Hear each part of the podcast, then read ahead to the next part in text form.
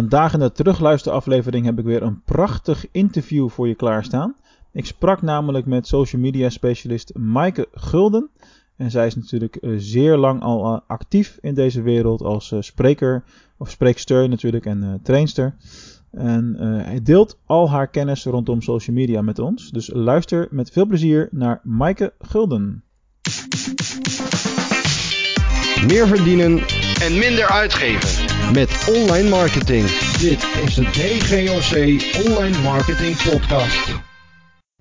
In deze aflevering van de DGOC Online Marketing Podcast ga ik in gesprek met Maaike Gulden. We zijn inmiddels al bij aflevering 27, dus het gaat alweer eh, een aardig tijdje door.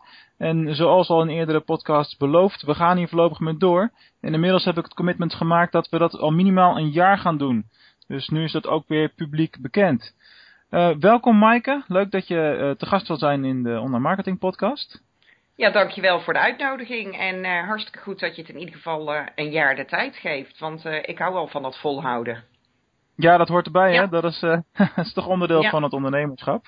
Hey Maaike, jij bent eigenaresse van de Marketing Factory en vooral gespecialiseerd op het gebied van sociale media. voor de mensen die luisteren en jou nog niet kennen, kun je eens vertellen wie je bent en wat je precies doet? Ja, ik uh, ben Maaike Gulden en ik werk inderdaad als uh, zelfstandig ondernemer. En uh, ik ehm, focus me heel erg op de inzet van social media. En tegenwoordig ook vooral in de zorg- en welzijnsbranche. En dat komt omdat ik daar begin dit jaar een boek over uitgegeven heb. Hoe heet dat, hoe heet dat boek? Um, sociale media in zorg en welzijn. Ah ja, lekker duidelijk. Ja, heel origineel, maar wel duidelijk dat het voor een hele specifieke doelgroep is. Maar daarnaast adviseer ik ook een uh, hoop andere bedrijven uh, met het inzetten van sociale media. Ik uh, spreek regelmatig, ik geef trainingen en ik blog daar regelmatig over op Frankwatching. Aha. En op mijn eigen blog. Oké. Okay. En hoe ben jij zelf in aanraking gekomen met sociale media? Want ja, we hebben ooit begonnen met Hives misschien, of daarvoor nog? Nou, ik, ik ben een laadbloeier. Dus ik, heb, uh, ik was er niet zeg maar van het begin af aan bij. Uh, met Hives had ik toen ook nog niet echt heel veel. Ik uh, ben eigenlijk het meest gepakt geraakt door Twitter. En nog steeds een enorme Twitter-fan. Oké. Okay. Um, gewoon omdat ik het heel erg leuk vind. Um, ja, nieuws is als eerste bekend op Twitter. Wil je weten wat er speelt? Um, ja, dan is daar Twitter natuurlijk. Maar je kan er ook gewoon heel makkelijk met mensen in contact komen. En het is gewoon soms ook heel leuk. Als je het Songfestival kijkt bijvoorbeeld, is het alleen maar leuk als je dat in combinatie met Twitter doet. Ja, dat is ook zo. Maar waarom specifiek uh, Twitter? Want uh, de laatste tijd spreek ik vooral veel mensen die hun activiteiten op Facebook uh, aan het intensiveren zijn. En Twitter lijkt steeds meer vergeten te worden wat dat betreft. Maar dat is bij jou dus anders. Ja, dat is bij mij anders. Er wordt natuurlijk op Twitter ook een heleboel automatisch gepost. Dus je moet wel weten wie je moet gaan volgen. Mhm. En uh, ja, het ligt er ook aan met welk doel je het inzet. Want op Facebook vind ik bijvoorbeeld uh, de groepen wel heel goed uh, werken. Wil je echt een community opbouwen, um, ja, daar is Facebook ideaal voor. Voor heel gericht adverteren is Facebook ideaal. Heb je leuke content die een beetje entertaining is, dan is ook Facebook ideaal. Hè? Want we gaan meestal s'avonds even allemaal onze Facebook checken. Maar ik ben nog steeds van overtuigd dat op Twitter is het open. Je hoeft niet eerst wederzijdse vriendjes van elkaar te zijn. Of net als op LinkedIn eerst allebei akkoord te gaan met de connectie. In principe is de hele wereld bereikbaar. Je kunt met iedereen in gesprek gaan. En dat vind ik juist het mooie van Twitter. Dat het gewoon kort is, to the point, maar ook dat je met iedereen in contact kan komen. Dus je kan heel makkelijk gaan zoeken. Ik heb dat bijvoorbeeld gemerkt toen met het schrijven van het boek. Uh, voor dat boek heb ik ook, um, ik heb het samen met Juliette geschreven, zo'n uh, 60 zorginstanties, CQ professionals geïnterviewd. En mhm. heel veel mensen die dus heel lastig bereikbaar zijn, net als een Jos de Blok van Buurtzorg of een Lucien Engel. Uh, Ja, dat is toch lastig om met die mensen in contact te komen. Terwijl als je het via Twitter gaat doen, dan uh, ja. Een Jos de Blok van Buurtzorg had ik via Twitter binnen vijf minuten aan de telefoon door hem gewoon een tweet te sturen. Ja, ja, met het verzoek. Dus ik heb zoiets van ja, Twitter is toch wel heel makkelijk. En ook als je een vraag hebt, het maakt eigenlijk niet uit over welk onderwerp en je plaatst het met de hashtag DTV, hè, van durf te vragen, ja. dan krijg je gewoon uh, op Twitter het snelste antwoord. En dat kan zijn voor het vinden van een hotelletje in Berlijn. Maar dus ook voor als jij mensen zoekt voor een interview. Ja, precies. Dat heb ik zelf ook wel eens, wel eens gedaan. Dat werkt inderdaad hartstikke goed. Ja. En jouw bedrijf is de Marketing Factory. Kun je daar iets, iets meer over vertellen? Um, ja, het is een, het is een uh, eenmansbedrijf, dus ik had het ook Maaike Gulden kunnen noemen. Maar ik, heb toen, uh, ik was op zoek naar een naam. En uh, heel veel mhm. namen die ik bedacht had, die waren op een of andere manier al bezet. Dus vandaar dat het de Marketing Factory geworden is. Maar um, ja, ik geloof heel erg wel in het jezelf profileren. Ja. En dat marketing toch wel heel erg belangrijk is. Want je kan nog zo'n goed product of een goede dienst hebben. Maar als mensen niet van jouw bestaan af weten en niet weten wat jij te bieden hebt of wat jij levert, ja, dan wordt het heel erg lastig toch om klanten te vinden. Dus het is heel erg goed om je te profileren en uh, de nodige tijd aan je marketing te besteden. En dat doen we Absoluut. natuurlijk steeds meer online. Ja, precies. En, uh, maar haal jij jouw meest, de meeste van jouw klanten dan ook vanuit uh, online marketingmiddelen, niet zozeer offline? ja, Alleen uh, ben ik er uh, ook wel van overtuigd, hè, offline is ook nog steeds belangrijk. Je zoekt de eerste contacten of je komt met mensen in aanraking online. Maar daarnaast mm -hmm. blijft het nog steeds belangrijk om ook uh, op een andere manier contact te hebben met mensen. Zowel telefonisch, kopje koffie. Maar online is het gewoon veel makkelijker om een groot publiek te bereiken. Dus je, ja, ja, je kunt laten zien wie je bent, wat je te bieden hebt. Dus door te bloggen, uh, door filmpjes op YouTube te zetten of door podcasts te maken, kun jij gewoon een groter publiek bereiken die jij gewoon uh, kennis met jou kan laten maken. Ja. En zodat zij ook weten wie je als persoon bent, wat jij te bieden hebt en jou zo weten te vinden. En uh, dus ja, ik, de meeste contacten die zijn echt wel online. En, en welke kanalen zet jij daar dan het meest voor, uh, voor in, buiten Twitter zeg maar? Uh, LinkedIn natuurlijk, want ik heb zoiets, ja, als jij uh, werkzaam bent in Nederland als professional, als medewerker van een organisatie, dan hoort LinkedIn er gewoon bij. Daar gaan mm -hmm. mensen toch altijd eventjes kijken wie jij bent, wat jij te bieden hebt, wat jij gedaan hebt. Maar vooral ook of jij positieve aanbevelingen hebt. En daar kun je ook altijd de contactgegevens van iemand vinden. Dus LinkedIn is wel heel belangrijk. Ja. Um, ja, Twitter om inderdaad die gesprekjes aan te gaan. En, um, maar dat vind ik gewoon leuk. Tegenwoordig uh, ook helemaal verslaafd aan Periscope. Aha. En dat is weer onderdeel van Twitter natuurlijk. Maar, ja, precies. maar ik ben ook gewoon uh, wel actief op Facebook en Instagram. Maar ik merk gewoon dat Facebook vind ik privé heel leuk. Mm -hmm. En uh, zakelijk vind ik het wat lastiger. Maar dat ligt ook aan wat voor product jij uh, biedt. Als jij gewoon een leuke, um, leuke producten hebt, iets van lifestyle, dan is Facebook perfect. Dan is Pinterest perfect. Maar voor zakelijke dienstverlening is dat toch wat lastiger. Nou, het is heel erg per product Ja. verschillend uh, welk kanaal je in gaat zetten. En uh, ook natuurlijk wat het beste bij jou, bij jou past. Ja, want dat is ook ja. wel belangrijk. Als jij er niks mee hebt, dan, dan moet je er echt aan ja, omdenken van... oh ja, dat kanaal heb ik ook nog en ik moet daar iets mee. Ja, precies. Terwijl als je het leuk vindt en je hebt er zelf een passie voor... dan, uh, ja, dan voelt dat ook niet als werken. Dan vind je het gewoon leuk om, uh, om daar iets mee te doen en daar iets op te plaatsen. En als ik jou zo hoor, is dat het geval bij, uh, bij Periscope bijvoorbeeld? Ja. En wat doe je op Periscope? Uh, Periscope tips geven. Maar Periscope, ja, het leuke daarvan is, het, het bestaat nog niet zo heel lang. Hè. Het bestaat nu ongeveer een, een half jaar. Ja, dus daarvoor had je wel Meerkat. Uh, dus daar ook wat mee aan het experimenteren geweest. Maar omdat Periscope van Twitter is, vind ik het toch wel heel erg leuk. En het leuke daarvan is dat je dus ja, voor degene die niet weet wat het is, het is livestreaming. Dus het is eigenlijk een, een, net als dat je een video op zou nemen. Alleen is het live, dus kun je het niet meer wijzigen. En mensen Mhm. kunnen interactie aangaan. Dus die kunnen hartjes geven of die kunnen vragen stellen in de chat, waardoor er echt tweerichtingsverkeer ontstaat. En dat is juist het hele leuke van Periscope. Dat het, ja, mensen zien jou ook, dus ze krijgen ook meer gevoel, ze zien jouw emoties. En ze kunnen meteen uh, vragen gaan stellen die jij weer kan beantwoorden, waardoor de contacten nog, nog meer persoonlijk worden dan uh, op Twitter bijvoorbeeld. Ja, zeker waar. Die ervaring heb ik, uh, heb ik ook. Vind jij dat Periscope ook enigszins te vergelijken is met het geven van een webinar? Um, ja. Het, het is een, vooral een mooie aanvulling erop. Of je zou het geheel kunnen doen, want je kan ook natuurlijk kiezen een webinar. Dat dit doe je vaak ook om klanten nog extra informatie te geven of een gratis webinar om mensen op je mailinglijst te krijgen. En dan moeten mensen zich eerst opgeven. Maar dat zou je dus ook met Periscope kunnen doen door vervolgens dan uh, een besloten Periscope te geven. Oké, dat, uh, dat is voor mij uh, nieuw. Een besloten periscope, hoe gaat dat in zijn werk? Uh, ligt eraan, zeg maar, voordat je op start uitzenden drukt. Op de iPhone heb je dan een slotje. Ja. En als je op dat slotje klikt, dan moet jij eerst mensen uitnodigen. En sinds kort met de nieuwste update um, moet jij die mensen ook volgen. En zij moeten jou volgen. Maar dan kan je dus met hun een privéscope houden. En zit je op een Android, dan zie je niet een slotje, maar dan moet je gewoon kiezen tussen het woord uh, openbaar of privé.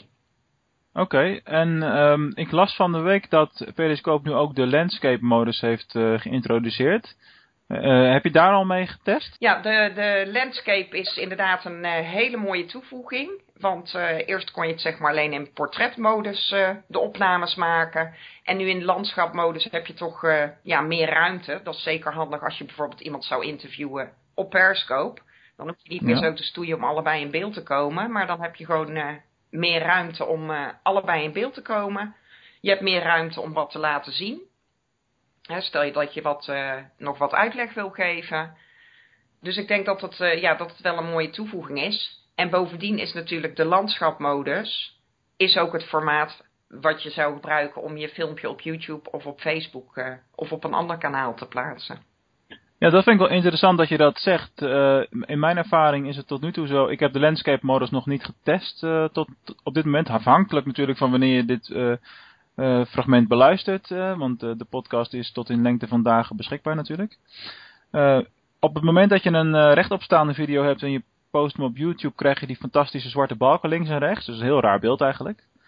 Maar op Facebook, en ik weet niet hoe jij dat ervaren hebt tot nu toe, uh, en je kijkt vaak mobiel op, op Facebook, krijg je een hele langwerpige video te zien juist. En uh, correct me if I'm wrong, maar is dat niet juist een voordeel? Ja, ik, vind, ik heb er zelf niet zo'n probleem mee, want meestal heb je je toestel natuurlijk ook uh, vast in de portretmodus. Ja, dus uh, als het niet uh, heel erg nodig is, zou ik ook zeker zeggen van blijf lekker in die portretmodus filmen. Want je kan ook als je het op YouTube plaatst, dan kan je er ook iets voor zetten, zodat die zijkanten ook leuk opgevuld worden. Ja, dat is ook inderdaad mooi. Ja, of je zou het, zou het in kunnen zoomen. En eigenlijk als je het op uh, je, je Periscope uh, uitzending op video of op Facebook zou willen uploaden, dan moet je hem eigenlijk toch sowieso eerst door je bewerkingsprogramma trekken. Ja, ja, ja. Uh, zodat Facebook niet ziet dat het een, uh, een herhaling van je Periscope is. Want anders krijgt hij toch minder waardering in de EdgeRank. Oké, hoe gaat dat in zijn werk dan? Want uh, wat ik tot nu toe altijd doe is na de Periscope-uitzending die ik dan lokaal opsla. Dat zal ongetwijfeld voor de anderen ook gelden die dat doen. Dan doe ik het bestand simpelweg uploaden via de pagina beheer app van Facebook. Ja, en schijnbaar weet hij dan toch aan bepaalde codes. Ik ben zo technisch ben ik niet weet hij ah. toch aan bepaalde codes dat dat zeg maar iets van Periscope is. Dus krijg jij minder waardering als dat het gewoon een originele video is die jij uploadt. Dus als jij hem eerst door een bewerkingsprogramma gaat uh, halen, zoals op uh, de iMovie of wat voor programma je dan ook gebruikt, ja, ja, ja. Dan, dan kan die dat niet meer lezen. Oh, kijk, dat is nou eens een handige tip. Dat is uh, altijd leuk, ook voor mij om weer nieuwe dingen te leren op deze manier natuurlijk. Maar eigenlijk wel uh, waanzin als je erover nadenkt. Dat, uh, dat waarschijnlijk omdat het van Twitter is, dan daar iets mee doen in de EdgeRank, zeg maar. Een beetje hetzelfde idee als dat een direct geüploade video op Facebook meer waard is als een link naar een YouTube filmpje. Ja, ze, be ze bevooroordelen toch allemaal hun eigen kanalen en zo. dat je natuurlijk hun kanalen het meeste in gaat zetten. Dus vandaar dat ze dat soort dingen inbouwen. En uh, ja, daar kunnen we toch niks tegen inbrengen. Het is gewoon handig als je het weet, zodat je er rekening mee kan houden, denk ik. Absoluut, absoluut, zeker mee eens. Hey, je hebt uh, meerdere boeken geschreven, ook uh, zakelijk twitteren voor gevorderden bijvoorbeeld. en daarnaast sta je regelmatig op, op podia. Wat heeft jouw voorkeur, schrijven of spreken? Ik vind spreken wel uh, heel erg leuk. Want dan heb je toch meer die interactie. En uh, ja, dus ik vind schrijven prettig. Maar ik vind uh, spreken gaat echt mijn voorkeur uit. En gebruik jij schrijven dan om te kunnen, om als instrument om vaker te kunnen spreken bijvoorbeeld? ja, onder andere. Ik vind het leuk om mijn kennis te delen. En dat doe ik onder andere dus door te bloggen. En steeds meer ook door video-interviews te houden. En dus en Periscope-uitzendingen te maken. Dan ga je wel meer ook naar het visuele. Maar echt spreken en ja, dat vind ik toch het leukste. Menselijk contact, echt fysiek menselijk contact. Ja, daar gaat niks boven dat natuurlijk. Ja, volg je passie, uh, zeg ik dan altijd maar. Ja. En uh, even iets heel anders. We zien binnen de verschillende sociale media kanalen allerlei, allerlei bewegingen. Onder andere, en dat is al een hele tijd aan de gang natuurlijk, dat jongeren Twitter lijken te verlaten en meer gebruik maken van tools als Snapchat en dergelijke. Um, Twitter zal op een gegeven moment in beweging moeten komen om die doelgroep ofwel weer aan te spreken, of in ieder geval om de, de dalende cijfers een halt toe te roepen. jij bent vrij actief op dat platform specifiek. verwacht je dat het nodig is dat Twitter iets doet? Of denk je dat bijvoorbeeld dat de afname juist goed is? Kaf van het koren scheiden en dat soort dingen. Ja, ik denk dat ze sowieso al een hele goede zet gedaan hebben met het aankopen van Periscope. Want dat is toch wel een mhm. hele leuke toevoeging. En ook Twitter is natuurlijk continu in ontwikkeling. Je kan ook rechtstreeks video's uploaden van uh, eh, 30 seconden. je kan steeds meer foto's erbij doen. En er is sowieso een tendens van jongeren. Want op Facebook posten ze ook niet meer omdat oh, hun ouders daar zitten, ooms, tantes, buren en dat hoeft allemaal niet meer. Dus die jongeren die zijn gewoon, uh, ja het voordeel van een, een Snapchat en dat is bijvoorbeeld ook met Periscope. Het is tijdelijk, het is in principe maar uh, heel kort zichtbaar en dan is het verdwenen. En dat vinden jongeren fijn. En je merkt ook dat ze steeds meer communiceren echt in besloten groepen, zodat er geen pottenkijkers zijn. En ah, is het als marketeers ook steeds lastiger om hen te bereiken. je ziet steeds meer een tendens ook naar dat uh, influencer marketing steeds belangrijker wordt. Dat je dus invloedrijke mensen, en dan heb je de bekende beauty uh, vloggers, de, de Enzo Knols van deze wereld. En dat soort mhm. mensen, als je via hun die doelgroep kan bereiken, uh, ja, dan, uh, dan werkt het. En via de algemene sociale media kanalen wordt dat sowieso steeds lastiger. Ja, bij de jongere doelgroep dan in het bijzonder natuurlijk. Ja. ja. dus op het moment dat dat jouw doelgroep is, dan krijg je meer met dit soort dingen te maken. Ja. En uh, lijkt het zich weer iets meer te bewegen naar een klassieke vorm van marketing wat dat betreft? Ja, het is toch in ontwikkeling en de tijd dat je alles moet delen met de hele wereld, die tendens, ja. merk je toch dat dat bij iedereen wat minder wordt. Hè? Gelukkig wel, Ja, wat je in het begin ook dacht, hè, moet iedere foto van mijn kind, van mijn kat of wat dan ook um, op Facebook delen. En je merkt nu toch, we worden zo overladen met die informatie dat mensen daar ook steeds minder behoefte aan hebben om het echt met de hele wereld te gaan delen. Ja, ja dat, uh, dat klopt. Dat merk ik zelf ook wel eerlijk gezegd. En wat is in jouw ogen uh, de belangrijkste functie van sociale media? Want je geeft daar op dat gebied juist je trainingen in en je, je hebt je, je boeken over dat onderwerp. Maar, maar waarom moeten we ze blijven gebruiken? Ja, contact maken. Het gaat nog steeds om netwerken, interacties, persoonlijk contact maken. En ja, via sociale media is het heel makkelijk om uh, hulp te krijgen van een grote groep mensen. Als jij een probleem hebt, een vraag hebt, wat ik zei, dat voorbeeld met die hashtag DTV. Dan kunnen heel veel mensen met je meedenken of jou in de juiste richting sturen. Dus dat is het hele mooie van uh, sociale media. En dat je ook gewoon met nieuwe mensen in contact kan komen. Maar het blijft belangrijk uh, dat het ook wel persoonlijk contact is. Als jij uh, zegt van nou ik uh, plan al mijn berichten in die ik ga plaatsen op Twitter, Facebook en andere kanalen via Hootsuite. En ik ga alleen maar zenden. En mm dus niet reageren, dan, dan heeft sociale media ook geen effect. Het, het heet niets voor niks social. Het is tweerichtingsverkeer. Ja, precies. Daarmee haal je het sociale element eruit. Ja, en dat is denk ik ook de kracht van Periscope. Want livestreamen is bijvoorbeeld ook niet nieuw. Mm En dat er juist nu echt die tweerichtingsverkeer is. Dat mensen dus direct, terwijl jij live verslag doet van wat jij nu aan het doen bent, wat jij nu ziet of de boodschap die jij kwijt wil, dat mensen dus ook live die interactie met je aan kunnen gaan. Ja, dat is absoluut van toegevoegde waarde, omdat dat de afstand uh, heel erg veel kleiner ja, maakt. Dus het, ik, het belangrijkste is, ja, we doen uh, toch zaken met mensen. Hè, mensen die we aardig vinden, die we kennen, die we vertrouwen. Ja. En dat kun je op sociale media gewoon uh, heel goed laten zien. Maar ook nieuwe relaties opbouwen. En de bestaande relaties onderhouden. Door regelmatig tips te geven. ja, help jij ook mensen in je netwerk en vinden ze het ook fijn om jou te volgen. Absoluut. En het voorbeeld wat jij eerder in het gesprek gaf over, over Twitter, van gewoon mensen die moeilijk bereikbaar zijn, ik spreek ze gewoon aan. Dat lijkt heel erg logisch en voor de hand liggend. Maar je zult er verbaasd over zijn hoe weinig mensen dat eigenlijk doen. Dus uh, jij spreekt die mensen dan daadwerkelijk aan, maar zo vaak krijgen ze geen bericht wat dat betreft, op die manier. Ja. Dus dan spring je er natuurlijk ook mooi bovenuit. Ja. Nou, ik denk, ja, ik denk dat het gewoon ook de drempel gewoon een stuk kleiner is via sociale media om het gewoon te vragen. Zeker weten. Het is toch makkelijker als ze de telefoon pakken en misschien eerst via de secretaresse weer bij de juiste persoon terecht moeten komen, heel de tijd in, in de wacht te staan.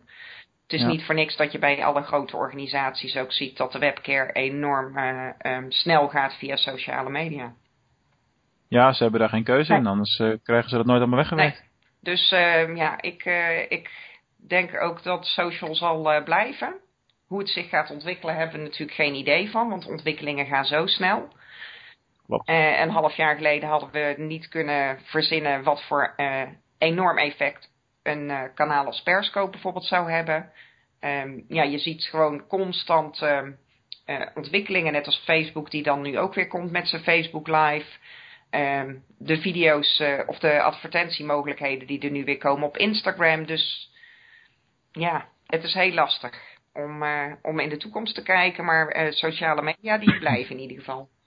Ja, absoluut. Ik heb zelf het idee dat de, de verschillende kanalen, maar je noemt het al, Facebook Live komt eraan, uh, adverteren op Instagram. Dat zijn allemaal elementen waardoor die kanalen meer op elkaar gaan, gaan lijken. zie jij dat ook zo? Ja, en dat is juist leuk van Twitter, die lijkt er weer niet op. nou ja, goed, dat is maar net hoe je het bekijkt, want op Instagram kun je gaan adverteren en heb je ook al die korte video's en dat kan nu op Twitter ook. Ja. En, en, en daar is het adverteren qua targeting natuurlijk ook uh, steeds uh, interessanter op Twitter. Heb je wel eens geadverteerd op Twitter? Werkt dat ook voor jou? Um, ik heb daar nog niet zo heel veel ervaring mee, omdat ik natuurlijk gewoon als ZZP'er werk. Dus dat is ja, anders als je natuurlijk als een grote organisatie werkt. En dan kan dat wel heel effectief zijn. Oké. Okay. Als je hey, ook daar maar weer heel gericht wel adverteert bij de juiste doelgroep. Maar dat geldt voor alle kanalen. Ja, absoluut waar. Hey, laten we even een sprongetje maken naar, uh, naar LinkedIn. Dat is natuurlijk uh, met name voor de B2B-markt een, uh, een heel belangrijk kanaal. Hoe zet jij LinkedIn in? Ja, ik denk dat LinkedIn voor iedereen belangrijk is. Hè? Wat we eerder in het gesprek, waar we het ook al over hadden, van ja, het is sowieso belangrijk om daar aanwezig te zijn. LinkedIn is over het algemeen wat serieuzer ook dan alle andere social media kanalen. Ja, dus als ja, ja. jij een afspraak met iemand hebt of jij zoekt iemand dan ga je toch altijd op LinkedIn even verifiëren uh, en naar iemands LinkedIn profiel kijken. Hè, van wat, wie is die persoon, wat heeft hij gedaan, en wat zeggen anderen over die persoon. En daar is LinkedIn natuurlijk heel belangrijk voor. Maar je kunt ook onder de aandacht blijven van je netwerk door dus regelmatig op die startpagina te kijken. En te zien wat andere mensen uh, plaatsen waar ze mee bezig zijn. En ook daar door er weer op te gaan reageren. Je kan ook heel bewust op zoek naar mensen op LinkedIn. Als, als ware om, uh, om contact te gaan realiseren. Ja. ja, ja, ja. En dan werkt het voor mij ook weer um, om dat dan bijvoorbeeld te combineren. Dus je gaat dus wel gericht op zoek op uh, LinkedIn. En vervolgens plaats je die mensen op Twitter in een lijst. Zodat je, want over het algemeen plaatsen wij op LinkedIn één keer per dag, twee keer per week. Um, maar mensen zijn minder actief op LinkedIn dan op Twitter bijvoorbeeld. Okay. En als je mensen dan ook weer op, uh, op Twitter in een lijst plaatst, kun jij veel makkelijker op de hoogte blijven van wat ze doen en waar ze mee bezig zijn. En dan kan je mm -hmm. via LinkedIn ook gewoon weer gaan reageren op die mensen. Ja, je kan okay. natuurlijk ook bloggen tegenwoordig op LinkedIn. Uh, ja, je hebt heel veel mogelijkheden. Het is ook maar net, wat wil je en waar wil je het voor inzetten? Mm -hmm. En dan maak je de keuze voor je kanalen. Maar welk kanaal je ook kiest, of dat nou LinkedIn, Twitter, Facebook is of welk kanaal, zorg in ieder geval dat als je er aanwezig bent, dat je profiel en de gegevens um, ingevuld zijn en in ieder geval up-to-date zijn. Ja, dat is heel erg uh, belangrijk. Hey, je noemde het al heel even kort net uh, bloggen op, uh, op LinkedIn. Ik denk dat nog niet iedereen weet hoe je dat kunt doen. Al helemaal in Nederland natuurlijk niet. kun je dat misschien even uitleggen?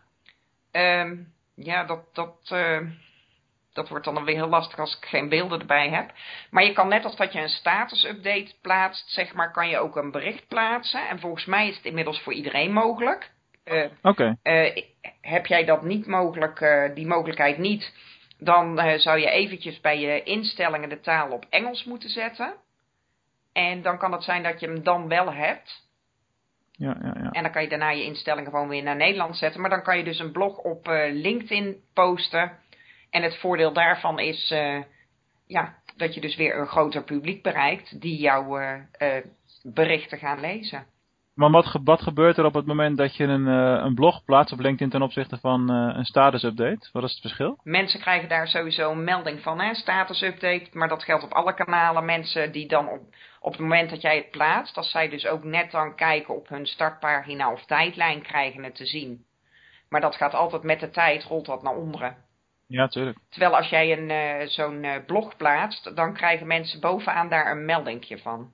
Oké, ja, dus het is wat, heeft wat meer een push-functionaliteit. Ja, uh, dus dan ben je toch meer onder de aandacht dat, jij, ja, dat je iets geplaatst hebt op LinkedIn bij je netwerk. Ja, en dat is natuurlijk ook weer heel erg waardevol. Ja. Hey, ik sluit graag af met twee vragen die ik aan iedereen stel. ik heb ze je van tevoren toegestuurd, dus misschien heb je er al een beetje over na kunnen, kunnen denken. Uh, om te beginnen, waar zie jij jezelf over vijf jaar? Geen idee. Hè? Het gaat zo snel en omdat ik natuurlijk uh, sowieso in die social media zit, uh, gaan de ontwikkelingen heel snel. Maar mm -hmm. mijn missie op het moment is wel dat ik hoop in ieder geval, um, en ik heb de start gemaakt aan het begin van het jaar met de lancering van het boek Social Media in Zorg en Welzijn. Ik hoop dat ik meer mensen in de zorgbranche kan enthousiasmeren om uh, iets meer met social media te gaan doen. Waardoor de zorg ook uh, beter, persoonlijker, klantvriendelijker wordt. Okay. Dus dat hoop ik uh, over vijf jaar wel bereikt te worden. Dat, dat dat nog meer ingeburgerd is. Je ziet al hele mooie initiatieven ontstaan in de zorg. Maar er kan nog een hele hoop verbeterd worden in onze zorg. Dus dat hoop ik in ieder geval binnen vijf jaar bereikt te hebben. Maar hoe, uh, heel even misschien daarop inzoomen, uh, hoe spelen, spelen die sociale media specifiek binnen de zorg dan een, een rol? En, of, of, anders dan in andere branches? Uh, het is niet zozeer anders dan in andere branches. Het, je merkt alleen dat er in de zorg nog te weinig gebruik van gemaakt wordt. Aha. Dus dat, dat ze nog steeds van uitgaan als je in het ziekenhuis komt, dat het maar heel normaal is dat jij twee uur op je specialist moet wachten. En, en dat ze alles volgens bepaalde protocollen doen. En minder dus luisteren naar wat, uh, wat patiënten of klanten willen. En dat dat dus via social media een, een stuk makkelijker wordt. Het ligt ook wel heel anders hoor in de zorg, omdat je daar veel meer te maken hebt met uh, privacygevoeligheid van gegevens. Ja, ja, uh, um, kunnen ze niet zo snel ontwikkelen als uh, een bedrijf natuurlijk. Maar er, er is nog wel een, een hele hoop te doen en een hele hoop werk te verzetten. Oké, okay. nou, klinkt veelbelovend. Ja. Um, laatste vraag. Uh, wat is jouw gouden online marketing tip?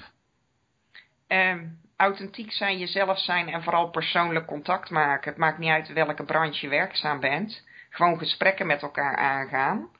En mm -hmm. dat is dus heel makkelijk op social media. Uh, laat zien wat je te bieden hebt, maar stel ook vragen en reageer ook op anderen. Oké, okay, dus uh, het persoonlijke contact ja. ook online realiseren, zou ik maar ja. zeggen. En dat okay, is nou, online hartstikke makkelijk, maar daar moet je wel gebruik van maken, want anders gaat het niet voor je werken. Dan kan je er uren per dag mee bezig zijn. Mm -hmm. Als je online geen relaties opbouwt, dan uh, heeft het weinig effect, denk ik. Nee, precies. Dus uh, wel, wel tijd investeren in, in je online aanwezigheid, maar uh, strategisch, zeg maar. Niet, niet zomaar wat doen. Nee, kan soms ook leuk zijn. Hè? Er is altijd wel een ja, okay. media, maar dat gaat je zakelijk of professioneel niet verder brengen. Dus Nee, laten we, laten we zeggen dat we die leuke uurtjes dan maar niet tellen. Nee, dus ja. Oké. Okay. Nou, ik vond het een heel, uh, heel tof gesprek. Ik uh, wil je nogmaals bedanken dat je, dat je mee wilde doen. Ik vond het leuk. En uh, ja, we houden, we houden contact voor de, voor de luisteraars. dit was het einde van, van dit interview en van deze uitzending van de DGOC Online Marketing Podcast. En graag tot volgende week.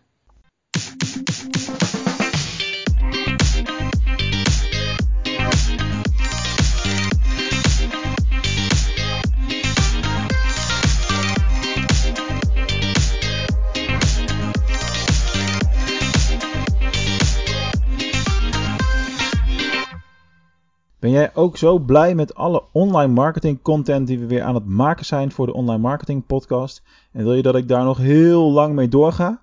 Nou, dan kun je mij echt onwijs veel helpen door een review te schrijven voor deze podcast. Er zijn al een aantal mensen die dat gedaan hebben de afgelopen tijd. En ik zou onwijs dankbaar zijn als jij dat ook wilt doen. Nou, werk je met Apple Podcasts, luister je via die app, dan is het makkelijk. Ga dan naar schrijf een recensie bij de podcast zelf. En uh, geef dan ook echt een, een, in woorden aan, een stukje tekst aan, uh, wat je van de podcast vindt en hoe ik jou daarmee help. Laat het mij ook weten dat je dat gedaan hebt, dan kan ik je persoonlijk bedanken. Voor andere podcast-apps werkt het weer anders. Een aantal hebben helemaal niks. Luister je bijvoorbeeld via Spotify, wat steeds populairder aan het worden is. Dan is er nog geen optie, maar verspreid dan vooral het woord en deel de podcast met je collega's, met je vrienden en iedereen die verder met online marketing bezig is. Dankjewel en tot de volgende uitzending.